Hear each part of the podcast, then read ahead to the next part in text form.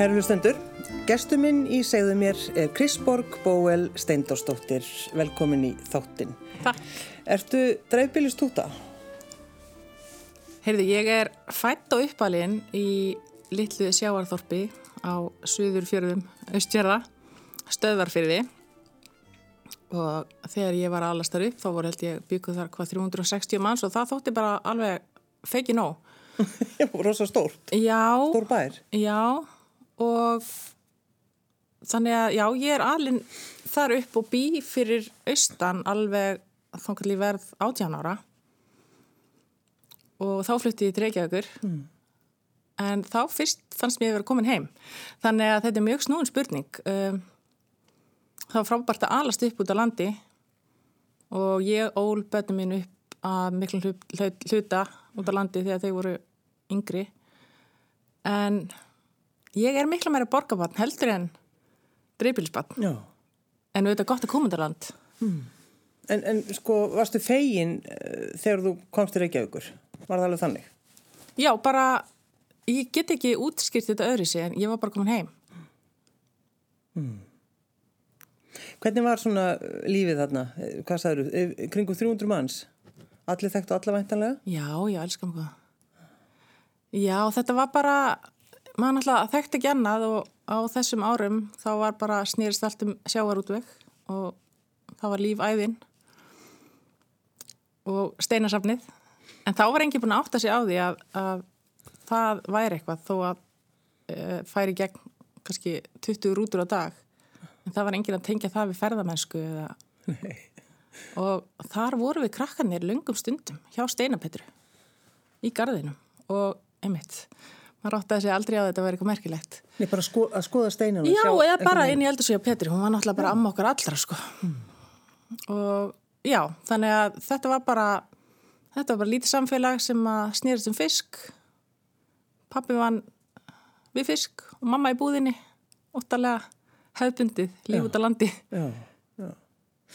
Um, Talaðum sem pappaðinn, Krisborg Já Pappi var einnig fættur á stöðafyrði eða elstar upp og bjó alltaf tíð í sama húsinu eða allavega sömu lóðinni, það var nú tvíbyggt.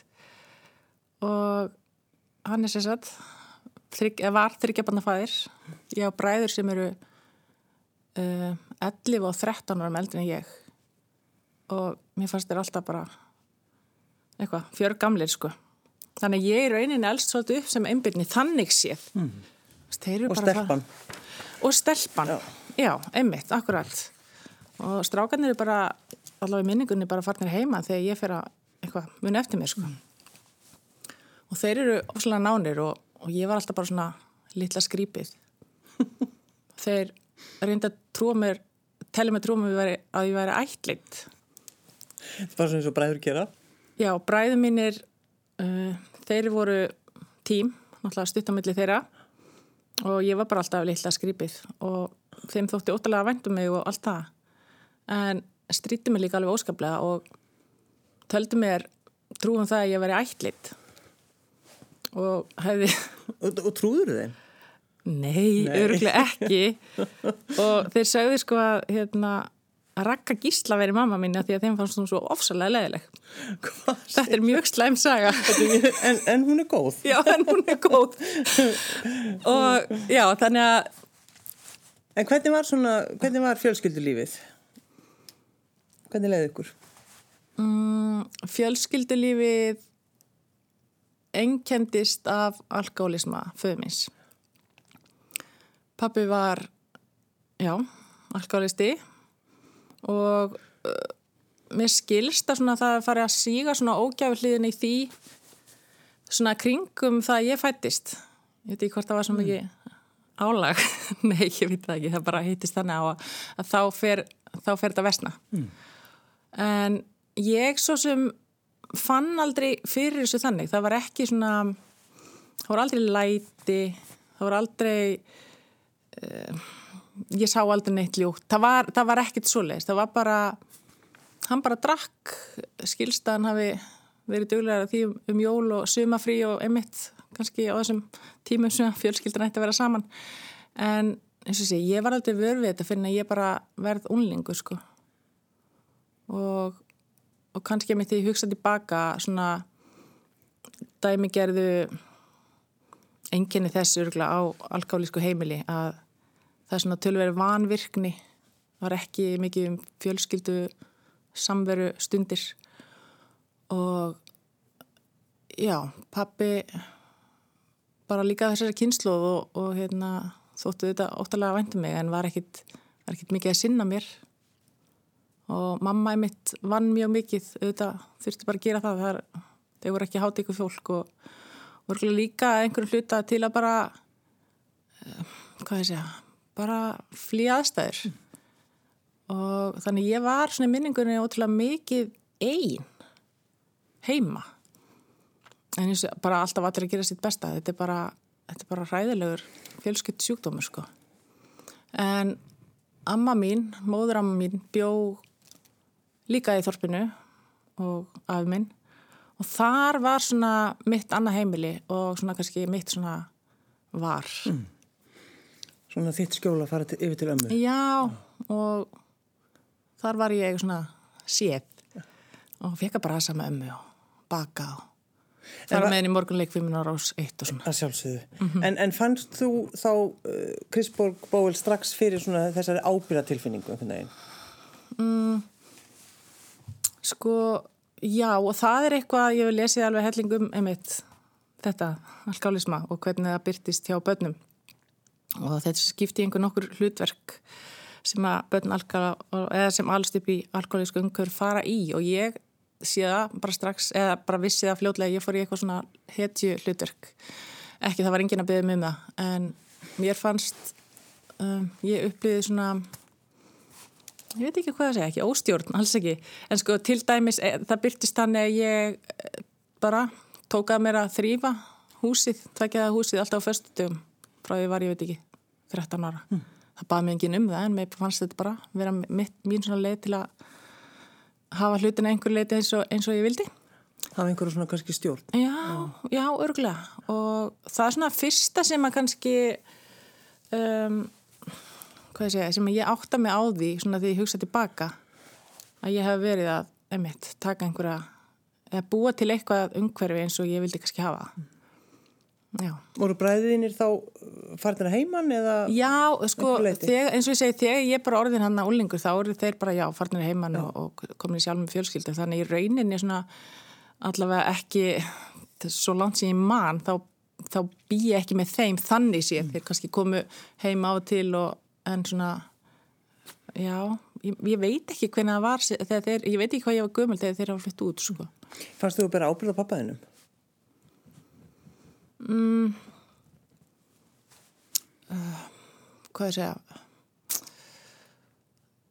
Maður fer í eitthvað svona segja, maður fer í eitthvað svona hlutverk og fer að hugsa um hluti sem að krakkar ekki getur verið að hugsa um. Og eins og sé, ég man rosa ég man ekkit rosa mikið eftir, eftir grunnskóla árunum þannig sé. Og man ekki þannig séð eftir drikkjunni á pappa.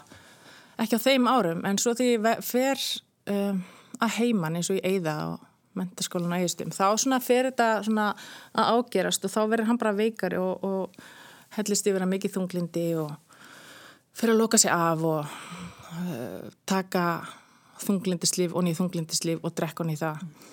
Og það er kannski þá sem að fer svona einhvern veginn að reyna að á einhvern nátt stíga inn í um, ég átti alveg mómenta sem ég var að reyna að ná hann um bíliklunum og vitandi það hann að keira upp í eigirstaði skilur blindfullur og ætti er eitthvað sem að börni geti verið að spá í sko. þannig að já fannst mér að taka ábyrð á hann einhverju leiti sko. Og bara einmitt þessu öllu saman og, og hérna svo flytt ég söður já, allir sér ekki 18-19 ára og fljóðlega þá er mitt uh, eh, fyrir inn á geðdeildina á borgarspítalunum og þá er ég náttúrulega eini aðstandandin þannig séð á svæðinu.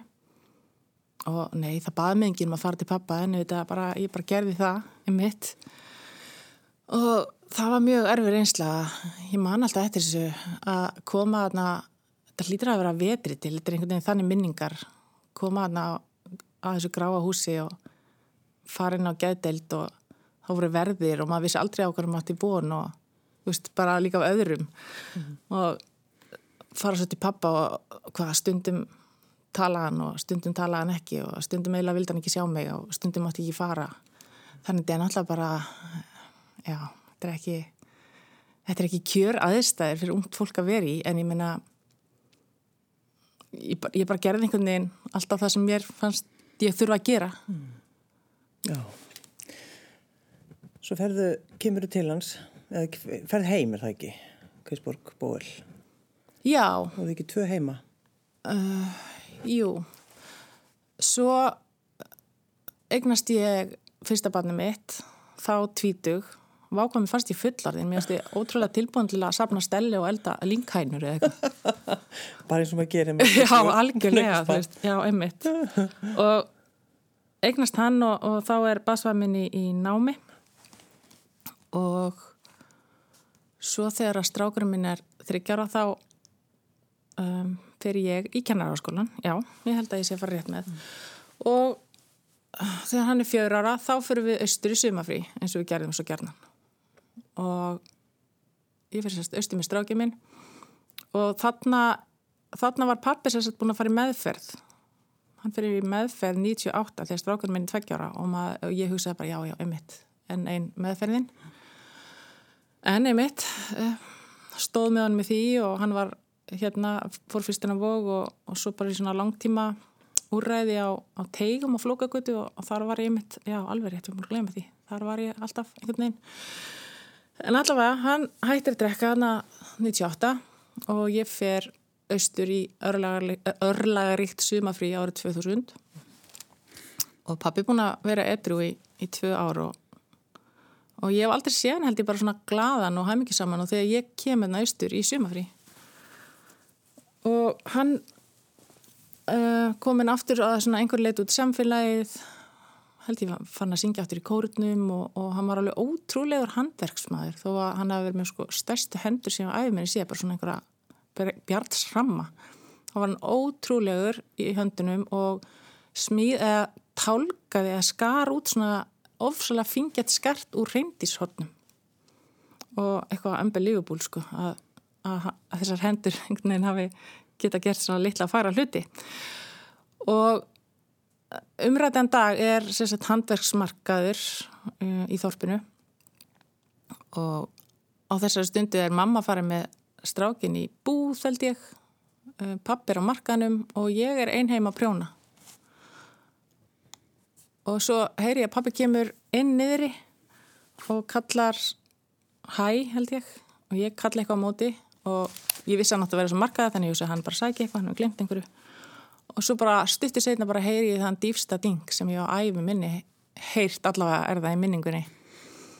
Og ég hleyp til og uh, kíkinu í stígan og sé þá sjón sem að var já, bara alveg, alveg hræðileg. Hann hefur líklega, við náttúrulega komast aldrei að því verið að hlaupa upp og fengið aðsvif það er svona það sem er ímynda sér og fellir aftur og bakk bara veit ekki, 120 kíló maður bara beint á, á steingolf og þetta er bara svona alltaf eins og CSI eh, vettfangur það er bara blóður úr öllum vitum og, og í því kemur mamma inn uppi með strákinn minn og þau, þau líka kalla hæ.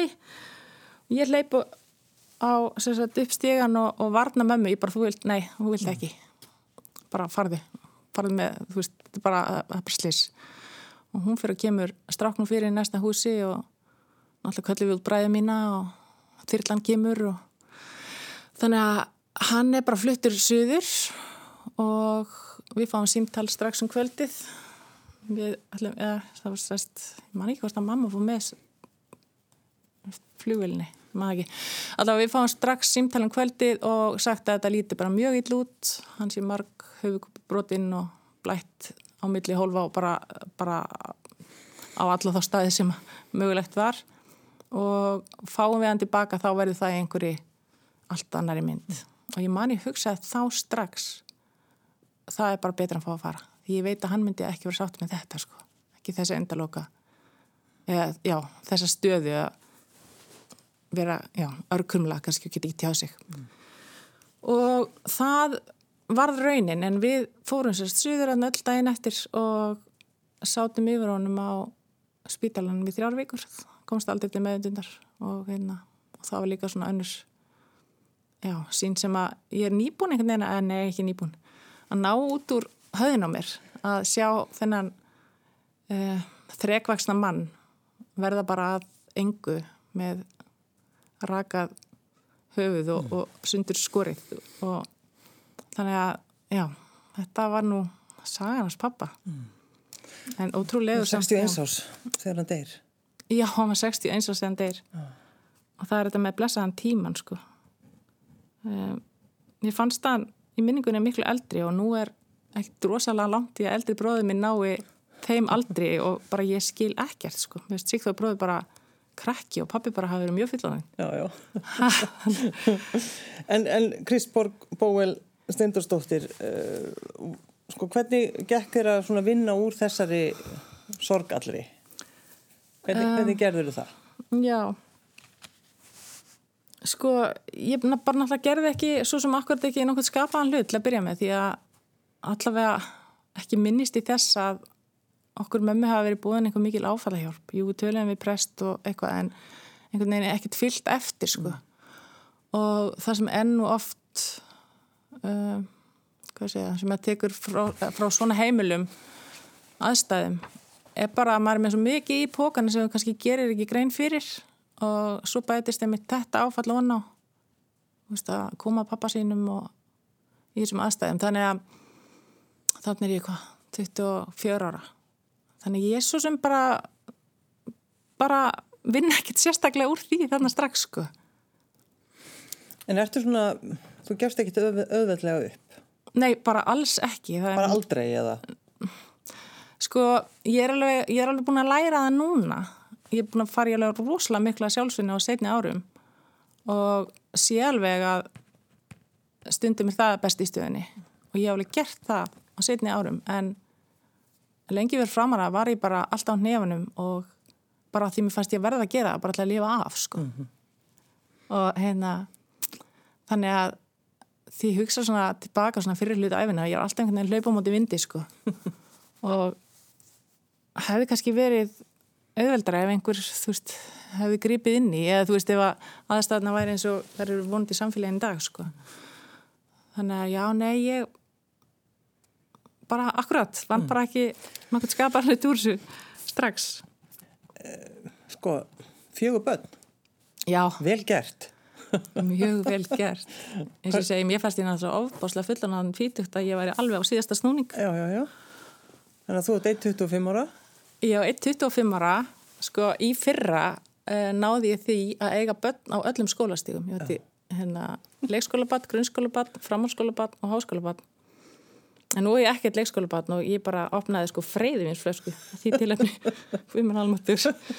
Og já, þannig að ég ásess að eldstastrákin minn, Almar Blæ, sem er að útskjáðast úr leikrist í Listaháskólan í vor, 20.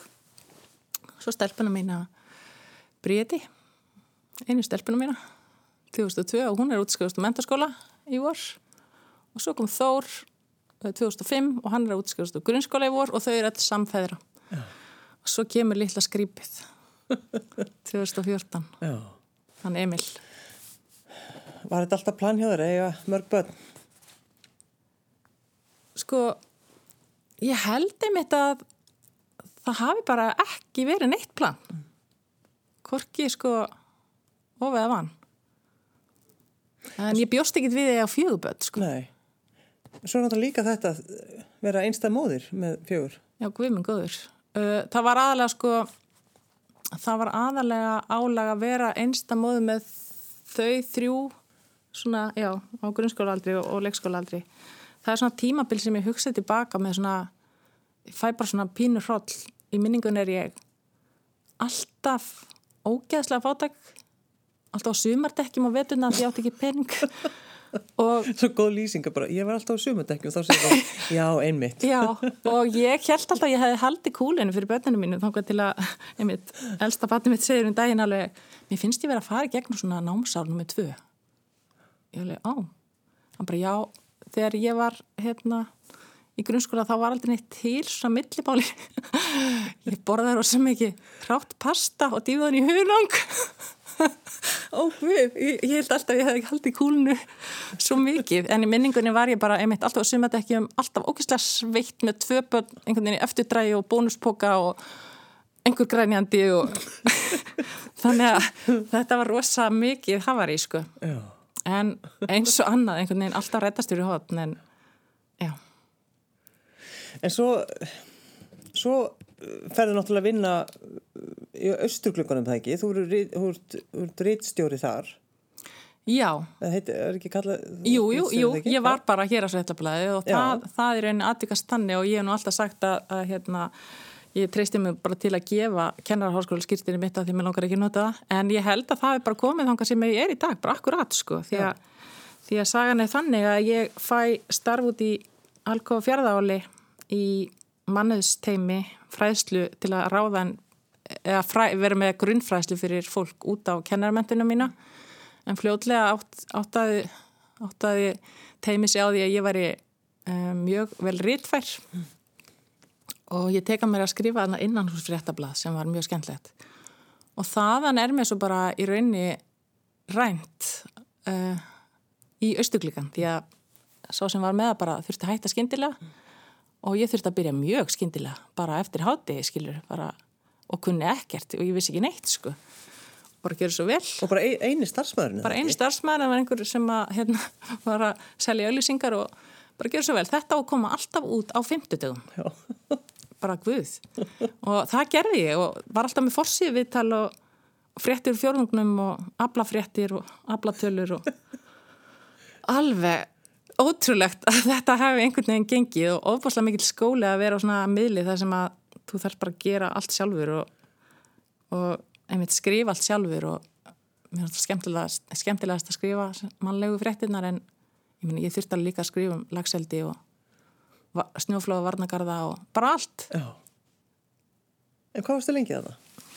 Sko ég byrjaði 2012 skrepp í fæðingarólu þannig að 2014 og þegar ég kem þaðan þá eru miðlarni tveir á Östurlandi eh, er ákveðið að samkeira þá mm. Sannst, gamla hér að svetlablaði Östurglíkan sem að lifir enn góðu lífi og uh, Östur frétt sem er vel, veðmiðli mm. sem að Gunnar Gunnarsson stýriði og gerir enn og þannig að þá vorum við allavega vorum tvö og það var bara betra á allan hátt Og svo held ég örglega það við 2016 að barst, barst beðni að norðan frá sjónastöðinni N4 að hvort að við getum tekið að okkur mannlýfsþáttin að austan. Mm. Sem að við gerðum og það var annað svona augnablík bara sem ég áttaði með því ég kunni ekkert en bara stökk. Og einmitt, við vorum með hann í tvö ár og gerum tíu þátt á örgulega hundruð einslega og þar, þar kviknaði sjómasbakterían. Já. Þú veist, ótrúlega gaman að segja sögur fólks í gengum viðtölu en þarna var eitthvað einhver, einhver nýr faktor. að- En, en einhver tíman á þessum tíumpunkti þá í rauninni bara þú krassar, eða ekki? ekki þarna strax. Nei. Eh, nei. Um, að, jú, sko, ég á yngsta barni mitt 2014 og svo skil ég við basföðu minn 2015 og það reyndist mér alveg mjög þungbært og ég vil meina það skilnaður er alltaf erfiður og, og ég man í hugsa ég bara, veist, ég, ég bara nenni þess ekki. Bara, ég bara nenni ekki stattið að vera aftur bara aftur á sumadekkin og vera aftur alltaf sveitt. Og en ég held líka að að vera með svona mikið í bakbókunum sínum gerir bara öll áföll miklu, miklu erfiðari. En við komumst í gegnum það eins og allt annað og og 2017 stend ég, man ég, niður á heilsugjæslu á reyðafyrði og var að fara í bara einhverja mjög saklausa blóðpröfu og eru bara frekar illa fyrir köllið þennan dag og það var einhver löng byð þarna og ég bara fann að það var bara eitthvað að gerast og bara, svo veit ég ekki, finn ég stend bara í afgreðsli og bara græt eins og það hefði verið skrúa frá krana og bara ég tekin hérna afsýðis og spyrka þessi að og ég gæti ekkert svara því, bara var ekkert að og ég var bara svolítið þreytt. Og ég grét bara örgulega í góðan klukkutíma og enginn gætt komist hann einu og bara þau helduðu bara allir sem ég þekkti þau bara farist út á pramma á fyrði, örgulega og ég gæti ekki sagt neitt ég var bara ofsalega uppgjöðin og þannig er einhver ungleiknir í afleysingu mjög vil upplýstur um um kulnun og segir mér að, að ég sé bara komið þangað. Og mér finnst þetta svo skrítið því að það er alltaf að tala um kulnun uh, í sambandi við já, kulnun í vinnu, starfi. Já, já, og mér fannst það ekki passa því að á þessum tíma var starfið mitt að eina sem var kannski bara viðræðanlegt sko. mm. Bara gaman í vinnunni? Já, já, einhvern veginn bara rútina og en svo bara fór ég að lesa mig til um þetta og þetta er kallað lífsþrótt þegar bara heildin er bara mikil og það er bara ógeðslega mikið að vera einn að sjá um heimili á einum tekjum sem er í fyrsta lega bara ekki hægt sko alltaf með afkomum kvíða þurfa að gera hvert einasta handæk á heimilinu skuttla öllum á æfingar, fara á alla fólkrafundi flétta hár og elda og vera ótrúlega samt sætur og klár og samtur að fara með bílinni smurningu og, og, og panta legur. Þetta er bara ekki einhverju ekki upp sko þannig að þannig að bara undan Sérstaklega þessu. þetta að panta legunar Nei, eða spindilkúlunar Spindilkúlur, hættu núna. Já, hættu. Þannig, þannig að þarna var þetta bara svolítið búið og mér er kipt og leikið þrjá mánuði sem er alltaf stutt og einmitt, held áfram að lesa og Norðurlöndin komið svo miklu lengri við bara fólk er bara látið leggja sér í sjö mánuði sko, já, já, já, og bara gera ekkert. Og áfram heldur við eftir þrjá mánuði, já, já, já. Og svo 2000 og 19 mm. er komið að þeirri ákverðun að ég flyti söður. Það var alltaf á, á langtíma planinu en það aðdekast þannig að sagt, basmóðir setni basföðu míns er úr hafnafyrði og þau, uh, við ætlum, svona stefnan var að fara 2020 en þau vildu fara fyrr og þá var bara að halda fund, hvað ætlaði ég að gera? Uh, ætlaði ég innan gæsa lappa yfirgefa tvö miðjuböndin mín sem að eru núna búsett fyrir austan, stóri strákurum með að komin suður í háskóla. Og að þau eruðu einhvers konar flugkappar eða ætlaði að láta sexárabarnið vera fljóamilli. Og þessu var bara svolítið auðsvarað og bara eftir góðan fjölskyldufund og, og gruðskóla börnin fengu að ráða bara hvað þau myndi gera já, mentaskólabarni, hann var komin mentaskóla. Og þau bara kvisa að klára sitt nám fyrir austan enda bara í, í góðum höndum í föðurhúsum og með frábæra ekstra mömmu þar. Og, það er staðan ennþá og nú voru þau bæða klári í voru og, og svo að vera að pressa á neitt þá náttúrulega vona ég að þau fara að koma sko. En já, þannig að ég flytt söður í, í fyrra fyrir rúm ári og í Hafnafjörðin og bý í þarnasta húsi við við sagt, fóraldra Emils straxins míns sem er dásamlegt sko. Bara eitt hús á milli og skólandi í gardi við erum í meiri námtældur en fyrir austan sko. Já, það er, það er ótrúlegt. Mm, Já, það er það. En hvað er það að gera núna, Krisborg? Sko, í fyrra þegar ég flytti söður þá fekk ég þá frábæri hugmynd að gera upp íbúðinu sem ég verið að kaupa. Kunni ég það? Nei. Átti ég verkværi? Já, ég átti hamar og spórjátt og komst anskuði langt á því mm. og svo með hjálp vinna og samhliða því ákvæði ég að bara taka næstu vinnu sem böðist og það var kennarastaða út í, e, í skólanum sem er bara í bakarinn hjá mér. Og það vissi ég alltaf að það var ekki góð hugmynd en bara kona verður að, kona verður að bjarga sér. Þú veist, einhver verður að borga þessa rekninga. Og ég fer þangað inn í fyrra haust og finnst, finnst samstundis að þetta á ekki við mig, bara ekki á nokkur nátt. Frábær skóli, lítil eining en bara, já, mér finnst þetta bara alveg óbúslega leðilegt og ég fann bara að mér leði ekki vel hana. Þannig að eitt góðan við þetta í, í november í fyrra fór ég bara á skriftu og sagði bara, ég er bara hætt og það var enn eitt svona af opposí mómentið hvað hva er ég nú búin að gera en á þessum tíma var ég aftur farin að finna fyrir sagt, svona kvíðaengjönum sem að um, ég finn í mikill streyti og líka minn okkar er bara svona magnaður. Ef við hlustum ekki á bara svona að við séum kannski einmitt þreytt á kvíðin, ef við hlustum ekki á það þá bara fyrir líka minn að senda merki. Og það er það sem að líka minn gerir. Ég fóra í mikið hárlós og letist og, og, og dopnaði, dopnaði kringum munnin og það var einn ein morgunin að ég ringdi í Marja vinkunum mín og sagði bara, heyrði ég bara komið heila blóðfald með þessu. Já. bara öll dofinni framann og við upp á læknavakt og látum gera alls konar próf og ekkert að mér nema bara ábærslega streyta þannig að og ég held bara ég það var bara ekkert nóg gert þannig í fyrsta skiptið. Þetta er bara þetta er bara döðars alvara sko. Og ég er alveg á því að ég verð ekkert ég verð ekkert söm orkubyrjunum ég verð ekkert samar þó ég geti alveg náð mér. Þannig að ég er bara að klára það streyti frí eða frí núna í í januar en á þeim tíma já, smelti ég líka eitt sjómastátt eða sex. Það er það sem ég var að klára núna og hérna já, voru sér satt uh, þættir sem að ég gerði í samvinni við sagafilm og eru síndir í sjónvarp Símans já. um vináttu og, ég, og þeir voru bara frumsýndir núna 7. janúar já.